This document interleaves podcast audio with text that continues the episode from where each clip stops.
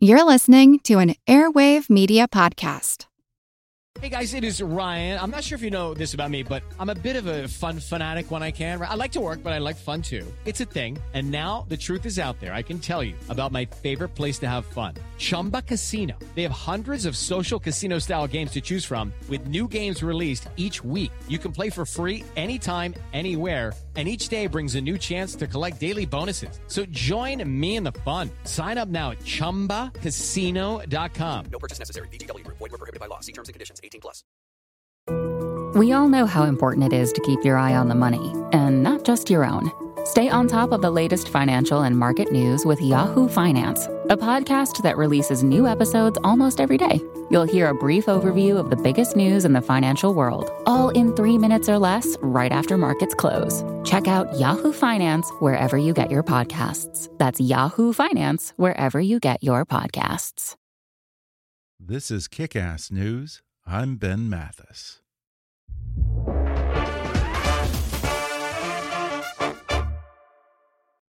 Join Ann Johnson, Corporate Vice President for Cybersecurity Solutions at Microsoft, on Afternoon Cyber Tea and learn from cybersecurity experts about defending your organization and systems from attack. Listen in for insights on topics like election security and why information sharing is crucial for combating threats, and get ideas for strategies to head off intrusions. Afternoon Cyber Tea is available on Spotify, Apple Podcasts, and Podcast One. Subscribe now. Oh, loneliness and cheeseburgers are a dangerous mix. Yeah. Oh boy, move over liquor license. Hey, Moe, this license expired in 1973, uh, and it's only good in Rhode Island. And it's signed by you. Yeah, yeah, I've been meaning to get that updated uh, for this state and real. Folks, show's over. Nothing to see here. Show's. Oh my God! A horrible plane crash. Hey, everybody, get a load of this flaming wreckage. Come on, crowd around. Crowd around. Don't be shy. Crowd around. Some might call that ball Istanbul, but I call it Constantinople. You can stick me in a long Italian boat because that ball is gondola. And somebody better inject me with penicillin because that ball is gonorrhea. Those are just some of the inimitable characters created by Hank Azaria, including some of his iconic voices from The Simpsons, and finally, the voice of a struggling but well meaning baseball announcer slowly trying to work his way back into the big leagues on the acclaimed IFC series Brockmire. Now, the fourth and final season of Brockmire fast forwards 10 years into the future to find the aging Jim Brockmire taking the thankless job of baseball commissioner, just as America's attention spans are dwindling and our love of the game appears to be on the wane. Season 4 of Brockmire premieres March 18th at 10 p.m. Eastern on IFC, and today I'm delighted to welcome Hank Azaria to the show to talk about his 31 seasons on The Simpsons, a few of the 150 characters he's played on the show, and some of the classic movie stars who inspired some of his most popular voices for The Simpsons. Hank also reveals how he came up with his distinctive sports announcer voice for Brockmire. He does his best to sell me on the great American pastime but admits that oftentimes Major League Baseball can't get out of its own way.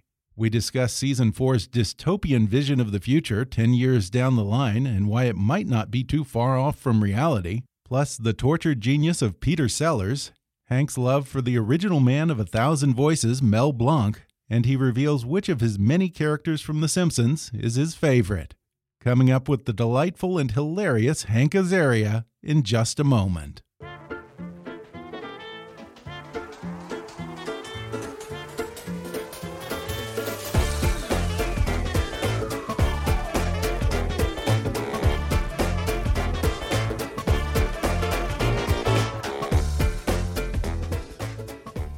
I'm sitting down today with multiple Emmy Award winning actor Hank Azaria, who is coming back for his fourth and final season as Major League Baseball announcer Jim Brockmire in IFC's Brockmire out this March.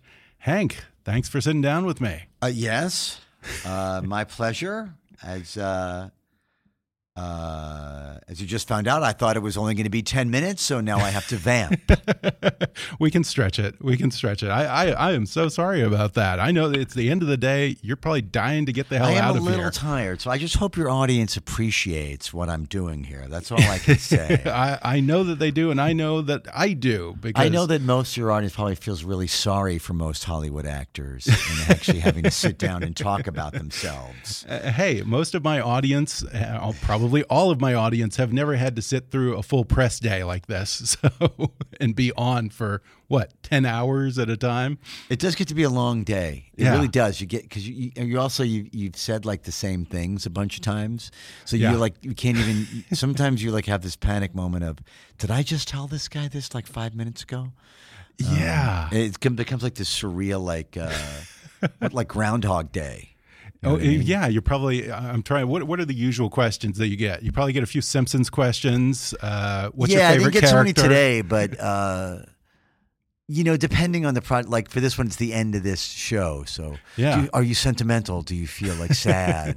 Yeah. got that asked a bunch today, and the answer is no. I I love this character, but I yeah, I'll just ask myself questions. I kind of like this. Yeah, let, Um, let's just go through all the questions that other get the ones have that asked you. check the box. Yeah, I don't get sentimental about finishing jobs. I think because they're so stressful. I think, and Mhm. and I'm so relieved to be done, and I, you know, want to go home and relax. Yeah. and I have a ten year old son, but even before I had Yeah. a ten year old son, I was always kind of happy finishing a project. Yeah, you're not one of those guys who has to have something lined up right after he finishes I, one I thing. I used to be, but less, more like in theory than in practice. Like I used Yeah. to be like all stressed out, like I gotta have my next thing, and you know now in my old age, I'm kind of like, oh no, I don't. It's Yeah. perfectly fine, Ned. Go relax and. You know, one of the advantages of uh, you of, of being around a long time is you realize careers, probably any career in any profession, but definitely in this one, it's you know it's a marathon, not a sprint, and Yeah. careers ebb and flow, and Yeah. that's fine. There's a nat- there's a rhythm to things. And, Yeah. you know, like when you watch um, biography, you know, Mhm. and even iconic act, even like actors that like where that that are just beyond like like Mhm. Spencer Tracy, Yeah, Katharine Bogart, Hepburn. yeah. You know, they all had uh, Bette Davis. They all had tremendous ups and downs in their career. That's true. Yeah. That's true. And it's funny because we only think of the wins. Like if we're thinking of Bogart, we think of Sabrina and Casablanca, but this is a guy who in his lifetime probably made close to 100 movies because all of these guys were working in the studio system. Yeah. So they may have made two years worth of stinkers before Oh, they for got to one that was a classic. And even beyond that, not to mention like often their personal lives were put them through the mill. Yeah. And on top of that, yeah, like what's true of all of them is the bulk of what they did just was forgettable, not very good. Right. Never saw the light of day. Um, so, and I'm sure they had even worse than that. Yeah. Had many moments. I know Bette Davis and Spencer Tracy for sure hit times when they were sure their careers were done. You know, Yeah. They were just like, ugh. Yeah. And and the funny thing is they couldn't do much about it because they were in the studio system. Right. You know, it's not like today where you can actually pass on a script. Right. know? No, there's more, much more autonomy. I mean, that Mhm. happened like 50 years ago, but it's much more in. But still, you, you know, it still isn't in actors' controls, no matter What? who you are. I mean, who is the top top right now? Who would you consider like the number My one? My references are so old and I'm so out of date on things. You have no idea. So mean, if you asked me, I would probably say Tom Cruise or something. Well, yeah, well, you Tom know- Hanks. I don't know, but I'm sure that there is some young kid that I've never Gosling, even heard of. Uh, I, I don't even think he's the thing now. I, I think they're onto something new. I don't know. Robert Pattinson, maybe? Like- no, No? I don't know. Whoever, anyway, Okay, the whoever top. Let's say the top thirty. Okay, Yeah. which is are going to be pretty Okay. Jennifer Lawrence. I don't know how. Mhm. Whatever. Okay, that's a good one. no one can control when a project goes. Yeah, Schedules are are pretty much out of your control. true. So Well, there's so many pieces to it too. It's like when is this director available? Okay, your co-star is available in three years. Right. They have a window of two months or something. yes, Yeah. So Yeah. Uh, you know, even in the movie you're excited to do, if you planned it so that you're off in the fall to be with the kids, and the studio says, "Sorry, we got to move it up," or "Nope, we got to push it back," that's that. What can you do? Yeah, Yeah. yeah. That's still not in Yeah. anyone's control. Yeah, I'm interested that you you bring up so many of these old iconic actors. I know that you know a lot of the characters that you've created, particularly for The Simpsons, were inspired by old movie actors. Like I know uh, Edward G. Robinson is Chief Wiggum. I've heard. Yeah. Peter Sellers is Apu and so forth. Al Pacino, Moe. Are you someone who grew up on a lot of old movies, and you you still seem to draw from that? I guess. Huh? Yeah, I mean, those voices were created a long time ago. Yeah. Um, you know, on the show 30 years ago and in my head even longer than that. You know, but like Edward G. Robinson, it was more Bugs Bunny, Mel Blanc's impression of Edward G. Robinson that sort Oh, of got yeah. in my head as a kid Oh, that's funny. Yeah. and and things like that. But um, yeah, you know, I I was raised by the television.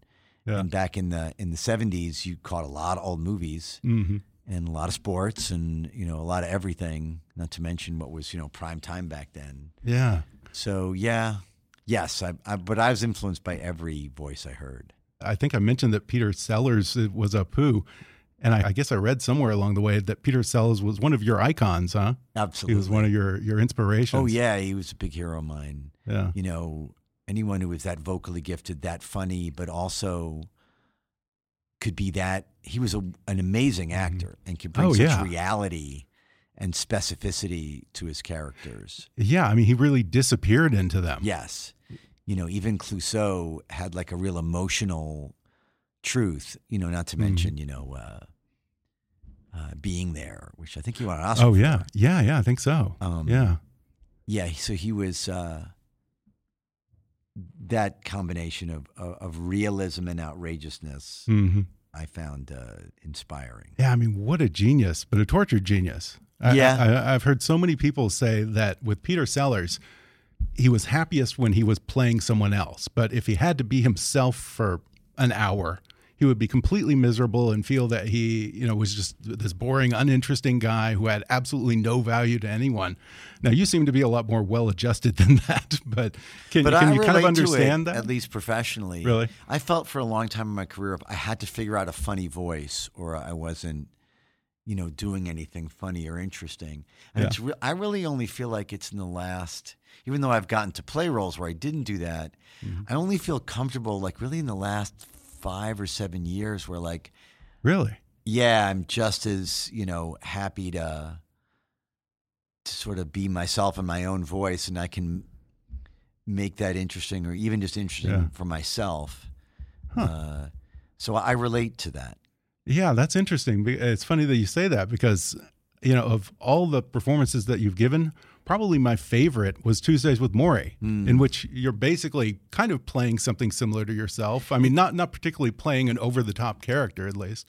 It's true, but you know, I, I like wh- that's one of those that, and I was, I got, you know, I was happy with that and won an Emmy for it and everything. Yeah. But it's one I'd love to have back. Like, Oh yeah, I'd love to approach that with you know the comfort I have of of working like that now. really? Yeah, Yeah. because that was what 15, 20 years ago now. It was or- about twenty years ago. Golly, It was a long time, and yeah, it might not have even been any better the end result. I just would have enjoyed it more. hmm You know, which I think does Yeah. show up in your performance, if oh, nothing Oh yeah, else. yeah, definitely. I'm such a big fan of Brockmire, but also I've been a fan of yours since, with probably without even realizing I was a Hank Azaria fan, since I was 13 or 14 when The Simpsons first came on the air. Yeah. I mean, it's is it weird to think that there are generations like myself who have grown up with the characters that you created, and that a lot of these characters are now iconic parts of the culture. It is kind of weird. I mean, I've gotten used to it. It's been on for 31 years. And Yeah. I mean, even like 15 years ago, which is a long time ago, you know, when I went back to my college and realized, wow, these all these kids grew up with these characters, um, which means a lot to me because, you know, I grew up really um, loving, especially those Warner Brothers cartoons. So, you Mhm. know, Bugs Bunny and, and Daffy Duck and Yeah, Sylvester. That was like my childhood yeah, and and then coming to realize, you know, as a teenager that that was one that was Mel Blanc. It's not just Yeah. me at The Simpsons. It's it's a bunch of other great voice actors, but um, Yeah, I mean, you yeah, I mean, really, I'm, I'm glad to be part of that tradition. Yeah, I mean, you have sort of been at least one of the people who's inherited the Mel Blanc mantle. I think. I think you know. I'm not just saying this; uh, it's not false humility. Mhm. Nobody could do that. Like he's kind of alone. Right. Uh, there's like uh, in the same way that like Einstein, he was such a genius. Um, and I mean that really. It's like he was able to do things that um, no one else can do. Things like have one character of his imitate another character. And make it different than the. There's an episode, one of my favorite episodes, um, Wabbit season. You know where, where where Daffy and, and- and Bugs are uh, uh, are arguing whether it's rabbit season or duck season. Oh yes, yes, yes, yes, yes. And so there, you know, a lot of wackiness ensues. And at one Yeah. point, Bugs Bunny comes out imitating Daffy Duck, yeah, and Yeah. and then Daffy Duck comes out imitating Bugs Bunny, trying to fool Elmer. But here's the thing: yeah. it, they sound different. Bugs Yeah. imitating Daffy sounds different than Daffy imitating Bugs. And at The Simpsons one day, like 20 years ago, we had just seen that. And Dan Castellaneta and Harry Shearer and I were talking about how hard that is. And we said, try it. Like, tried it like like I tried to do Moe imitating Chief Wiggum and then Yeah. Chief Wiggum imitating Moe and make those sound different. And we Yeah. none of us could do it. Like Dan like doing Yeah. Homer imitating you know Barney or Barney imitating Homer or Harry doing Mr. Burns imitating Kent Brockman and then Kent Brockman imitating Mr. Burns. Yeah. It just sounds like some voice that's in the middle no matter where you Right. start. He was like a savant in that way. Not to Yeah. mention how ahead of his time he was Oh yeah. you know, with his Oh, yeah. comedy and so Yeah. yeah, Mel Yeah, I Blanc mean, is, it's- is by himself. Yeah, i- i- it's almost like uh you're adding layers of paint, hoping that they will combine into something else, and you just keep adding a, a layer of Chief Wiggum with a layer of you know uh, Lou the the cop or whatever, Yeah, and hoping it, that it just sounds like some hybrid voice. Yeah, yeah I can it imagine. doesn't sound like Lou imitating Wiggum or Wiggum Mm-hmm. imitating Lou. That's that's like impossible to do. Yeah. Yeah, I mean, yeah, I'm a big fan of the show, as I've already said, and I've had uh, Al Jean and Mike Reiss on the show before, and I think that you came on around the same time as them in that second season. I And- was there in the first season. Oh, you were in the first season. Yeah. Wow. Yeah. Yeah. All I hear from people who've worked on The Simpsons is that at the time, nobody thought it would last more than a season, and Fox had no faith in the show, and the actors and writers were being told that, hey, it's just an animated show, and no one's going to watch it, so it's just a paycheck, and when it tanks, it's not going to hurt your career. Did you ever imagine that it would have this impact on your life? Well, if if you recall, which you might even be able to, Fox Network itself was only a couple of years old. Yeah. And so the whole lot, you didn't even think the network was going to, because that was unheard of. I mean, there had only been three networks for what, 50 years at that 60 years? Right. It I think wasn't they, like- they only had one show, like Married with Children, at the time, well, pretty much. I mean, there was Tracey Ullman show, which Oh, the right, right, right. Simpsons spun Yeah. off of. Right. I had a show called Herman's Head. Oh, that's that right. I on it. loved Herman's Head. But And Married with Children long. was the was the was was so the- was their big hit. Mm-hmm. You know, it had shows like Cops and Oh, right. other things. Uh, and there were some shows that that failed that I don't recall. Um, but really, nobody thought the network would necessarily survive, let alone an animated, Yeah. you know, uh, primetime comedy. Um, so no, I mean, and then even if you think a show is going to be, even if you're some kind of crazy nut who thinks I think it'll be a wildly successful show. Right. What the next longest show is what 12, 11 years? Oh, yeah. It's not I even mean, comedy anyway. close. Yeah, I mean, it's like Yeah. no, there's no such thing Yeah. as a show that lasts 31 years. We're about to do season Yeah. 32. I so mean, it'll probably have that mantle for forever, for all we know, unless South Park catches up one day. Who knows? uh, yeah, I, you know, Yeah. yes, it would probably have to be an animated show. Yeah. Because otherwise people are going Yeah. to just age out of their roles. Right, right. Well, Al says that he'll pretty much stay on until he dies. If he can, he'll keep I think we making all that feel show. that. We all feel that way.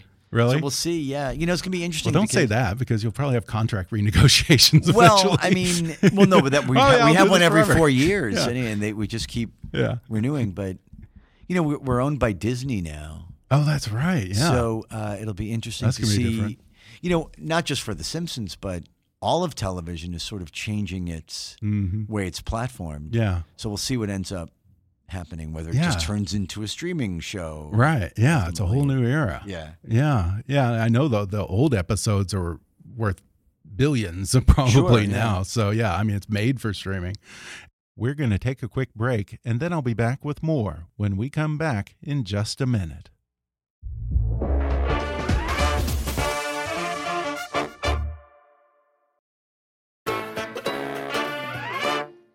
You know, as I mentioned, a lot of your characters are inspired by real actors. Um, I'm curious with this character of Jim Brockmire, where Yeah. does that come from? What did you draw? It's on an when you created imitation of what I refer to as the generic baseball announcer Yeah. voice of especially the 1970s, but really any era. Yeah. That, you know, just kind of delivers it like this and can give you endless facts about the game, smoothly transition into uh, a commercial read, and tell you about what I had for dinner last night. I all at the that. same time. And uh, I was always fascinated with these guys and just started wondering, you know, comedic premises emerge. Like, do these guys sound this way all the time? Like, even when they're Mm-hmm. Yeah, home with you their do wives? wonder that.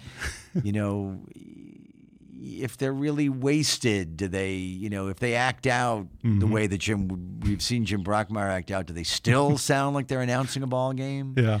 You know, do they dirty talk sex like that? Right. Do they have the Which we've explored all these things. the answer is yes. Yeah. In Jim Brockmire's case. Even when you're not saying an especially funny line, sometimes I just crack up hearing that voice. Well, that's kind of my shtick is finding vocal strangeness mm-hmm. that's just kind of funny mm-hmm. on its own. Yeah. And then, you know, I can't do it as well as Peter Sellers did, but that's the aspiration is to try to, you know, color it in with as much emotional reality as possible and see if Yeah. can't make it believable at the same time. Yeah, and you do a great job of that. Well, Uh, thank you. The voice is so iconic that apparently I read that you sued to protect the copyright of that voice. Is that right? Well, there was some dispute ago. over whether it was, you know, mine to do, and Oh, okay. It was like it's it's it's an imitation of a baseball announcer. Yeah.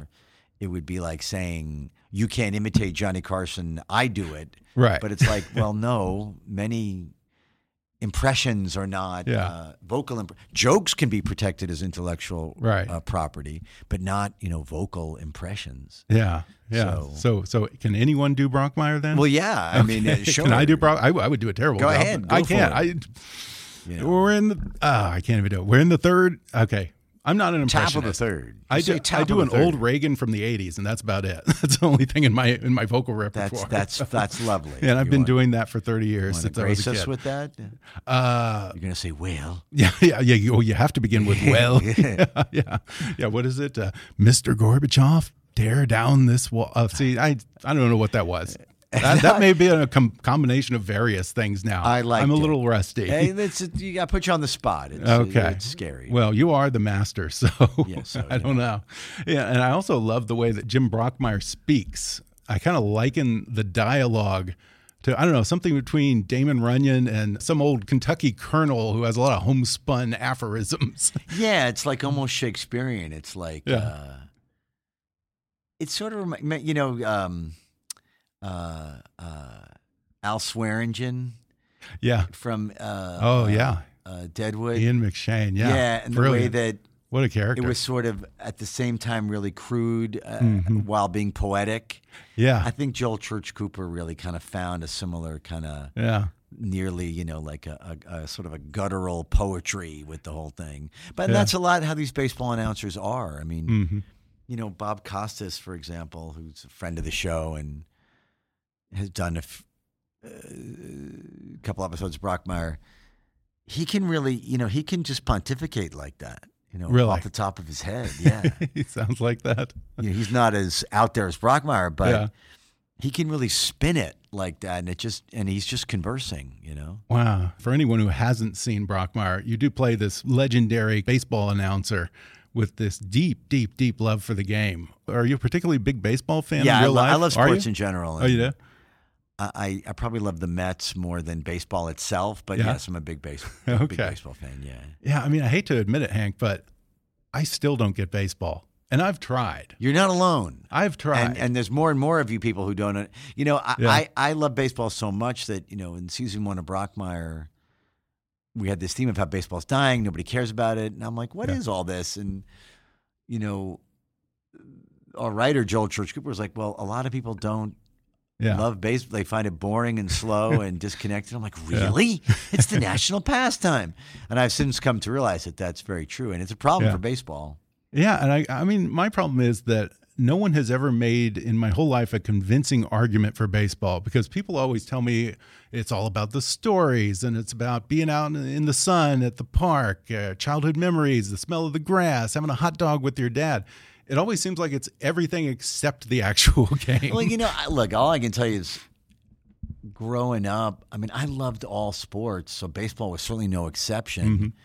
And I just got really captivated by the excitement of the game. I mean, I- part of it for me, I think, is is hero worship. You know, just Mhm. these guys who are able to to swing a bat like that yeah. and field the ball like that and throw the ball like that. As an adult, what I always heard and I found true was you really start to love baseball when you know it well enough to uh, follow um, from pitch to pitch, really get into like what what's the pitcher going to throw and why. Huh. Is he going to come inside? Is he going to come outside? Is he going to throw a changeup? Is he going to throw a fastball? Is he going to you know set this batter up um, high and tight or low and away? When every at bat becomes a mini story that Mhm. you're keeping up with, uh, you know. But I admit that's a pretty deep level of interest Yeah. in the game. Well, yeah. I mean, the people who really love baseball, they have all the statistics in their head, and they know the whole history of the game and every player. And that You kind know, of, well, that's not, I mean, I know a lot of that it's kind stuff, of a collector not, of facts some not a ton of it. I know, but for me, it's more. You know, baseball's so situational. Mhm.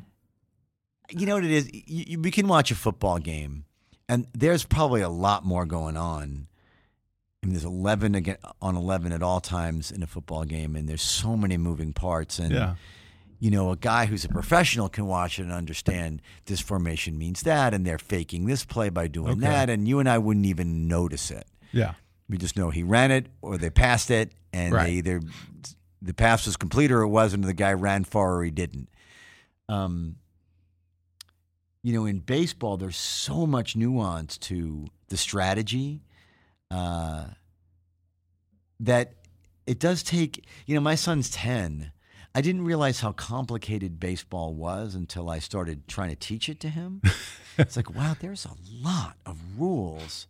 And not only rules, but then subtleties to the game, like like a, a runner at first taking a lead, hmm deciding whether they're going to steal or not. Just that concept. I don't think I think he still doesn't totally grasp all the Yeah. ins and outs of exactly what's going on there. This generation probably thinks, you know, who's who's got time for all that? Well, then there's that. There's Yeah. the yes, there's the ADD of this generation. Right. Who who wants to invest that much in a sport? Yeah, when we were kids, To really or at least appreciate when. I was a kid, I, I felt fortunate there was something to look at for three hours. I didn't have 18 options about Yeah. 14 screens I could be playing with. Yeah.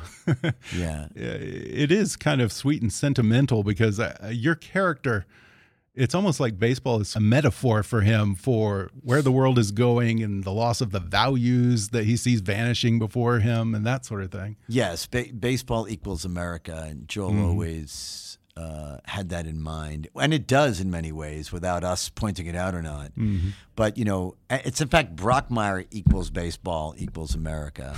That's the you know. equation. Well, he, you know, like most fifty-five-year-old men, he's, you know, technology's confusing him. He prefers the old school of no, you pay attention to a thing for three hours, Right. And if you can't do that, there's something wrong with you. Whereas the world would Yeah. tell him the opposite. And uh, you know, what's you know corrupt about baseball is kind of corrupt about America. What's wonderful Mhm. about baseball is kind of wonderful about Mhm. America. Yeah. Um, Yeah, and in the third season, I I feel like we sort of saw Jim kind of falling apart as he watched the deterioration of the world at an accelerated pace. Yes. and the rise of social media culture, the world kind of going to hell in a handbasket, the alt right, increased intolerance. Now here we are in season four. We're a decade into the future. And we're pretty much there. The world has gone to hell in a handbasket in- at that yeah, point. and by 2030, yeah. What was appealing to you about ending this show 10 years down the line?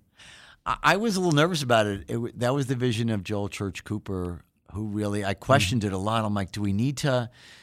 You know, it was a few things for Joel. First of all, he's really adamant about not repeating himself in any year. He wants to try Mhm. something new, which is really admirable. And for the first three seasons, it's worked really well.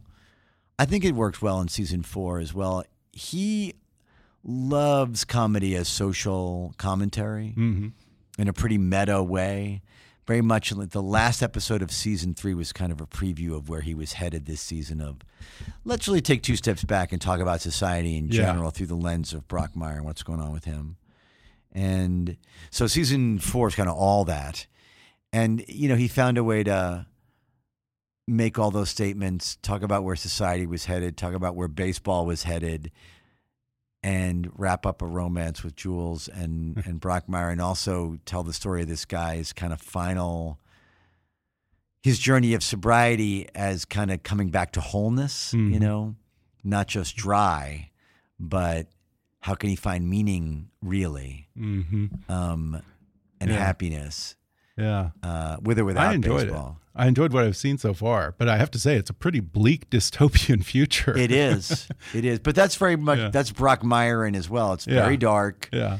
It's very much staring at like the worst parts of ourselves, either individually Yeah. or as a society, and then finding what's funny in there. Yeah, yeah, and I think Arizona is a post-apocalyptic wasteland. It's a disputed land. You know, a content fatigue is a medically diagnosed condition. and Yes. so forth. Yeah. I, I got to give you guys credit. I, I think most of this doesn't sound very far off. Oh no, it's quite believable. In Yeah. fact, by the end, doesn't sound like you've gotten there yet, but by episode, uh, by the end of it, it becomes almost an episode of Black Mirror, like a comedic, Yeah. where you know the operating Definitely. system, Lamone, uh, kind of in a Skynet kind of way, starts Yeah. to take over and become sentient. right. It's like a digital assistant, Yes. right? But it starts reading your mind. exactly, and starts Yeah. running the show. yeah.